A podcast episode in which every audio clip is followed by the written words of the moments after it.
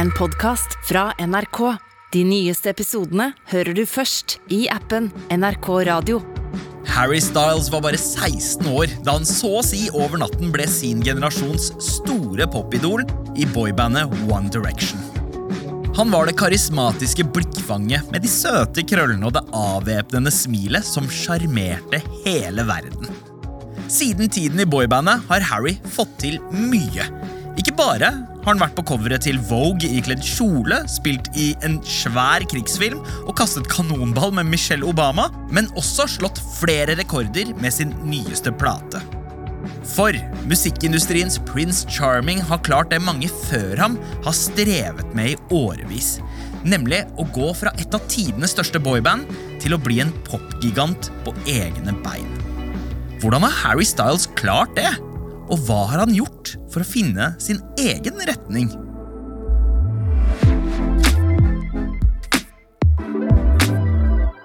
Velkommen til Musikkrommet. Jeg heter Sandeep Singh. Harry Styles er jo en artist som har en magisk kraft som gjør at alle kjenner seg sett og inkludert. Ida Madsen Hestmann jobber med kultur i NRK P2 og er musikkritiker i Klassekampen.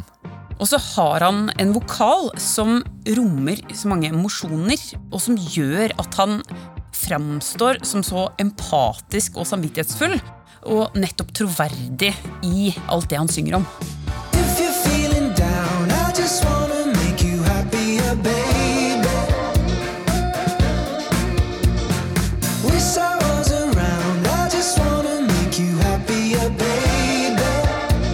Men det var først da Harry Styles gikk fra å være eh, i One Direction til å bli soloartist, at eh, jeg virkelig fikk eh, øya opp for den artisten som han faktisk er. Og hvor god han er til å bare være seg selv.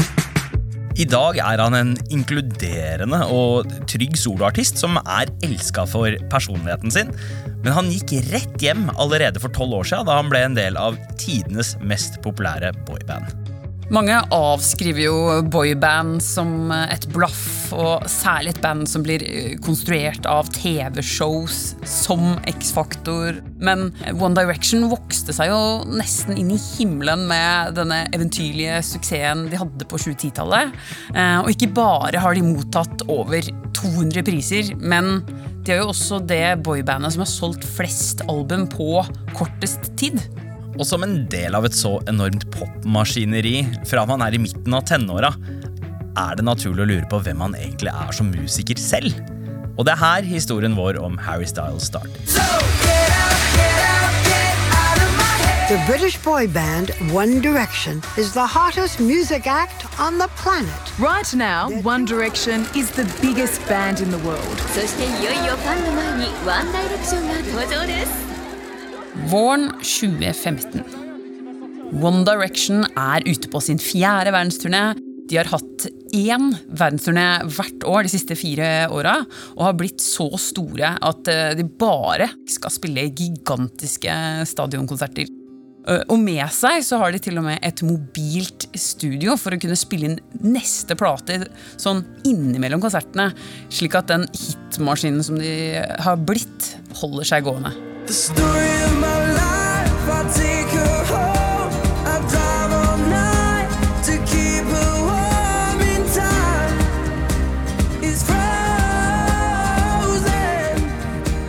Som så mange boyband før dem lever de et veldig kontrollert liv. Og det må de jo nesten, for uansett hvor de snur og vender på seg, er paparazziene klare i håp om å ferske de i noe ulovlig eller skandaløst. Harry har fortalt at de til og med har platekontrakter som sier at de må oppføre seg pent, ellers ryker de. Og i en trykkoker som et sånt artistliv må være, så er jo det som skjer like etterpå, nesten uunngåelig. One Direction will ultimately go in different directions. One Direction, maybe headed in different directions. Is One Direction going in different directions? Harry Styles er bare 22 år eh, og har tilbrakt de siste seks eh, og kanskje mest formative åra sine i bandene som nå er satt på pause. Han har alltid tenkt at eh, han ville lage låter selv, men han har verken hatt anledning eller tid til å gjøre noe med det tidligere. Og det er først når han blir tilbudt solokontrakten sin, at han forstår hvor kontrollert bandtilværelsen har vært.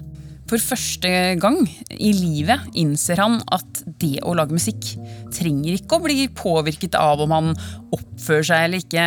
Altså Rett og slett at han kan bestemme selv. Og Han kjenner for første gang på en frihet han ikke har hatt som artist. Og den følelsen den er så sterk at han rett og slett bryter sammen i gråt. all of the decisions I'd made as an adult that affected my life and what I had what I was doing with my life had been made as a group. I felt like I need to make some decisions that just affect me. Han setter jo tydelig pris på den eh, nye friheten, men er ikke helt rusta til å benytte seg av den ennå. Nei, eh, i arbeidet med sin første soloplate så blir han faktisk redd. Eh, han har jo akkurat kommet ut av et boyband og er veldig klar over hvilke fordommer som følger med dette her. Så nå vil han kvitte seg med den lette og lekne popen fra One Direction-tida og jobbe for å bli oppfatta som en seriøs musiker. Just stop your crying, it's a sign of the times. Welcome to the final show. Hope you're wearing your best clothes. Våren 2017 slipper han først singelen Sign of the Times. En låt som roses for det inderlige softrock-preget, men som også kritiseres for å føles som et 70-tallskostyme Harry tar på seg. Og låta blir kjapt eh, etterfulgt av hans selvtitulerte debutalbum Harry Styles, som er en trygg og kanskje litt for safe eh, solodebut. Same lips red, same eyes blue, same white shirt, couple more tattoos. But it's not you, Får litt eh, følelse av plankekjøring som skjer når man ikke frir seg helt fra fortida. Det er akkurat som om superkraften hans fra One Direction, nemlig sjarmen, er litt oppkonstruert her. Og selv om han har modne referanser som speiler musikken han selv ser opp til fra gamle dager, så blir man ikke helt klok på hvilken person som finnes bak artisten. Det virker som han er litt for opptatt av å framstå som seriøs. Ja, i dette arbeidet med sitt første soloalbum så finner jo Harry ut at han skal prøve noe annet. eh, Noe han ikke har gjort før. Og han har lyst på en rolle i den nye storfilmen om et av britenes største slag eh, under andre verdenskrig, Dunkerque. Regissert av eh, selveste Christopher Nolan. Sammen med tusen andre håpefulle skuespillere stiller han seg i kø for å gå på audition. Han vet ikke hvilken rolle han prøvespiller for. Han bare veit at han har sykt lyst til å være med i denne storslagne krigsfilmen. There was something about like the Dunkirk thing where when I heard about it, I was like, I want to be involved in that so bad. I just remember the way that it kind of hit me and where I was excited to watch it. Like whether I was in it or not. I was like, I can't wait to see that. Og stjerneregissør Nolan møter mange av disse håpefulle skuespillerne eh, som tropper opp. Eh, Og han har sagt at eh, han vil ha så mange ukjente fjes som mulig. Det er jo litt artig at han da har audition med et av klodens mest kjente boyband-tryner. Men eh, Nolan følger jo ikke med på den slags, så han skjønner jo ikke hvor stor kjendis Harry er. Eh, Det han er mest opptatt av, er at det er godt skuespill fra et perfekt eh, filmfjes. Så Harry får faktisk en rolle. He's a German spy. Don't be daft. He's a fucking Jerry. Og denne rollen i den Oscar-vinnende krigsfilmen Dunkirk bygger opp den seriøsiteten Harry har strebet etter for å komme unna boyband-stempelet.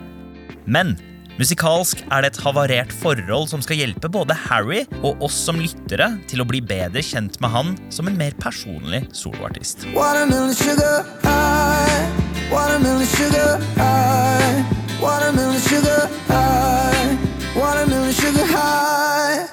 Watermelon sugar.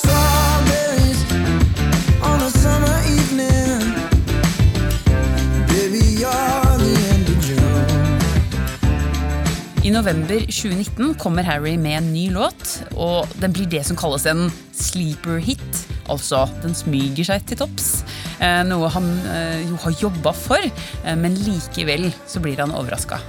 Really kind of watermelon kind of happen in a way that felt very much not dependent on me. It was kind of like you send your kid off to school and then they come back and everyone's like, "Eh, people really like your child. And you're like, that's amazing. I'm so proud of that child. It's not like everyone loves me. Yeah, It's, I you did that. it's so kind of, it's so different. Og denne låta gir Harrys nye album solid drahjelp når det kommer ut en måned senere. For på Fine Line viser han noen litt nye sider ved seg selv.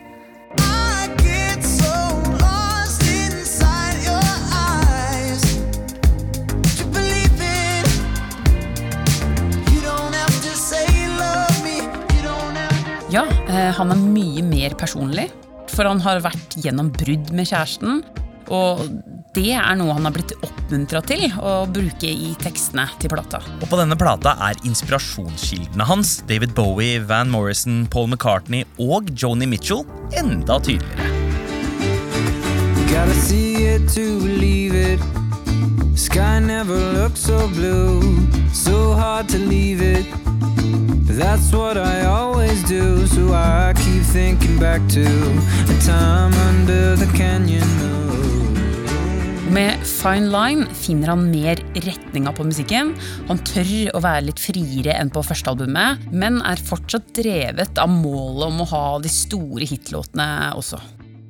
Alt virker som en suksess på utsida, men selv om musikken hans gjør det bra, så kjenner ikke Harry glede over det slik han burde. I stedet føler han seg letta. Og det at han føler på lettelse framfor glede eh, når han får til det han har prøvd på, så virker det jo litt som at noe skurrer på innsiden. I kind of started to feel like threads of, you know, where I could see myself becoming someone that I didn't want to be.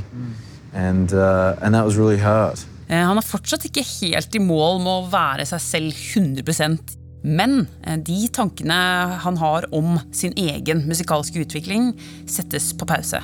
Ja, For alle popstjerner i Harrys liga så er det alltid en konsertrekke. Musikken selger seg ikke selv, og en verdensomspennende turné for Fine Line står på planen. Over 60 konserter i Europa og USA skal gjennomføres, og han er i gang med forberedelsene idet våren 2020 nærmer seg.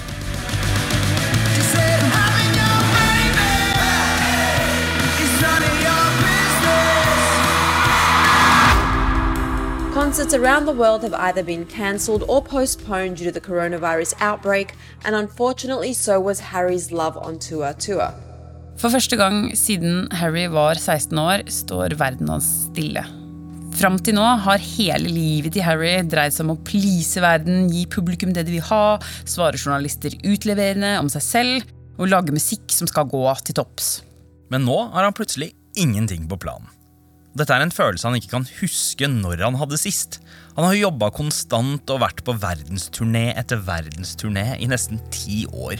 For a really long time, I didn't really know who I was if I didn't do this. And that's really scary because it's, you go like, okay, well, if, if this ends, am I going to be good at handling it?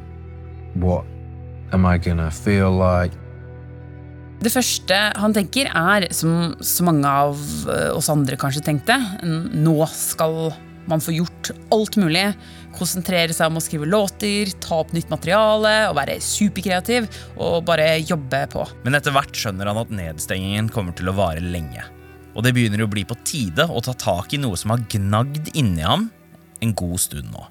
You miss so many birthdays and stuff like that, and then eventually, like, it's kind of just like assumed that you're unable to be at stuff. And I think that was kind of one of the things where I was like, oh, I want to take a second to like invest some more time into like balancing my life out a little bit. Mm-hmm. Like, this working is not everything about who I am, like, it's something I do. And I don't want to be defined as a person necessarily by what I do all the time. I want to be able to kind of put that down. Han innser at han må bruke denne stillstanden til å heller bli en bedre venn, sønn og bror enn det han har vært i dette elleville turnélivet han har levd. Og det første han gjør, er å invitere en gjeng med venner til å bo sammen med ham. Som i et godt, gammeldags kollektiv. Han tvinger seg selv til å ta både de gode, men også de vanskelige samtalene med sine nærmeste som han ikke har fått tid til tidligere.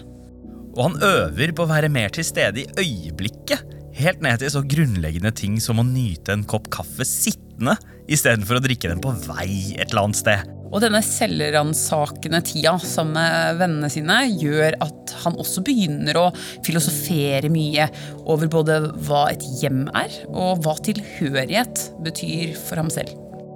Så noen måneder senere begynner han å spille inn nytt materiale. Men til forskjell fra tidligere ser han ikke lenger på tiden han tilbringer i studio som en tid som må brukes til å lage den neste store hiten. Nei, eh, siden noen av de han faktisk har bodd i kollektiv eh, sammen med den siste tida, også er de han lager musikk med og spiller sammen med, så blir det mer en videreføring av den henginga som de allerede er inne i.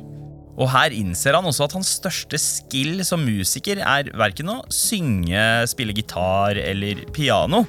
Altså Han kan jo ikke engang lese noter. Men det han er god på, er å samle folk.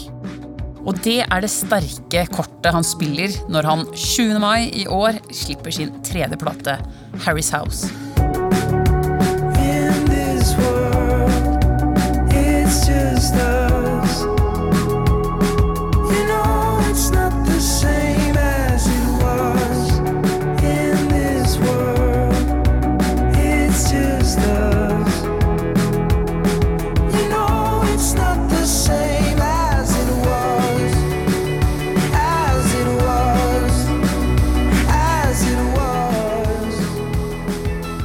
Her har han endelig klart å få den sjarmen han alltid har hatt, til å stråle gjennom i musikken sin. Med Harry's House så har han fått finslipt uttrykket sitt. Eh, det som er soundet til Harry Styles. Og så er det eh, veldig romslig under taket på huset hans. For han fortsetter jo å være inkluderende og viser samhold på den nye plata. Bl.a. blant annet ved at han henvender seg mye til én eh, imaginær eh, lytter. Ja, for det er veldig mye bruk av you i tekstene. eh, Og det har blitt gradvis tydeligere nå enn på de tidligere platene.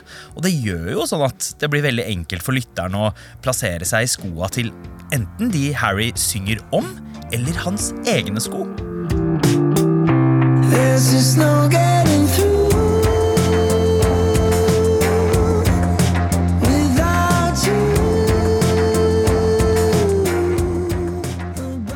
Han uttrykker seg klarere, og stemmen hans formidler eh, alle følelsene. Også en undertone av melankoli. Og han får meg til å føle mer når jeg hører på ham nå enn tidligere.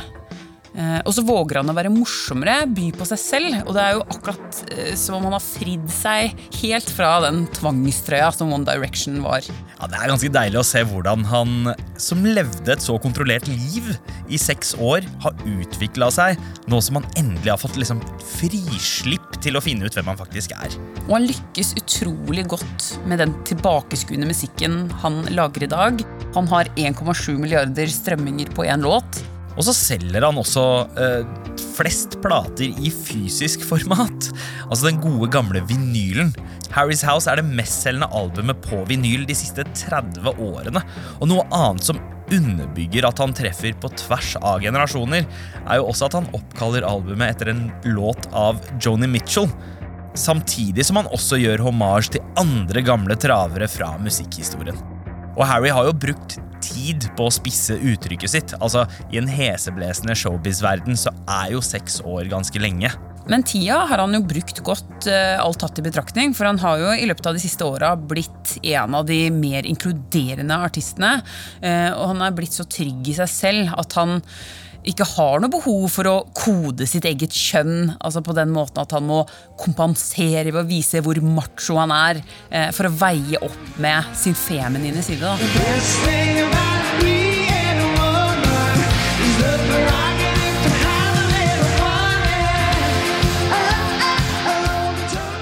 Vogue-coveret hans illustrerte jo det veldig godt. Den aller første mannen som var solo på det magasincoveret. Og for anledningen itrukket en fantastisk eh, ballkjole. Og han avskriver liksom gammeldagse kjønnsroller. Og selv om soundet hans er veldig tilbaketittende, så føles det friskt pga. verdiene som ligger bak. Og det gjør jo at musikken hans passer ekstremt godt i tida vi lever i. Det viser jo at det er først når man klarer å senke skuldrene og ta seg tid til å tenke etter, at man klarer å kjenne ordentlig etter hvem man faktisk er og vil være. No one really knows what they're doing, and that can be really terrifying or it can be really relaxing. And I kind of just like chose to let it be really.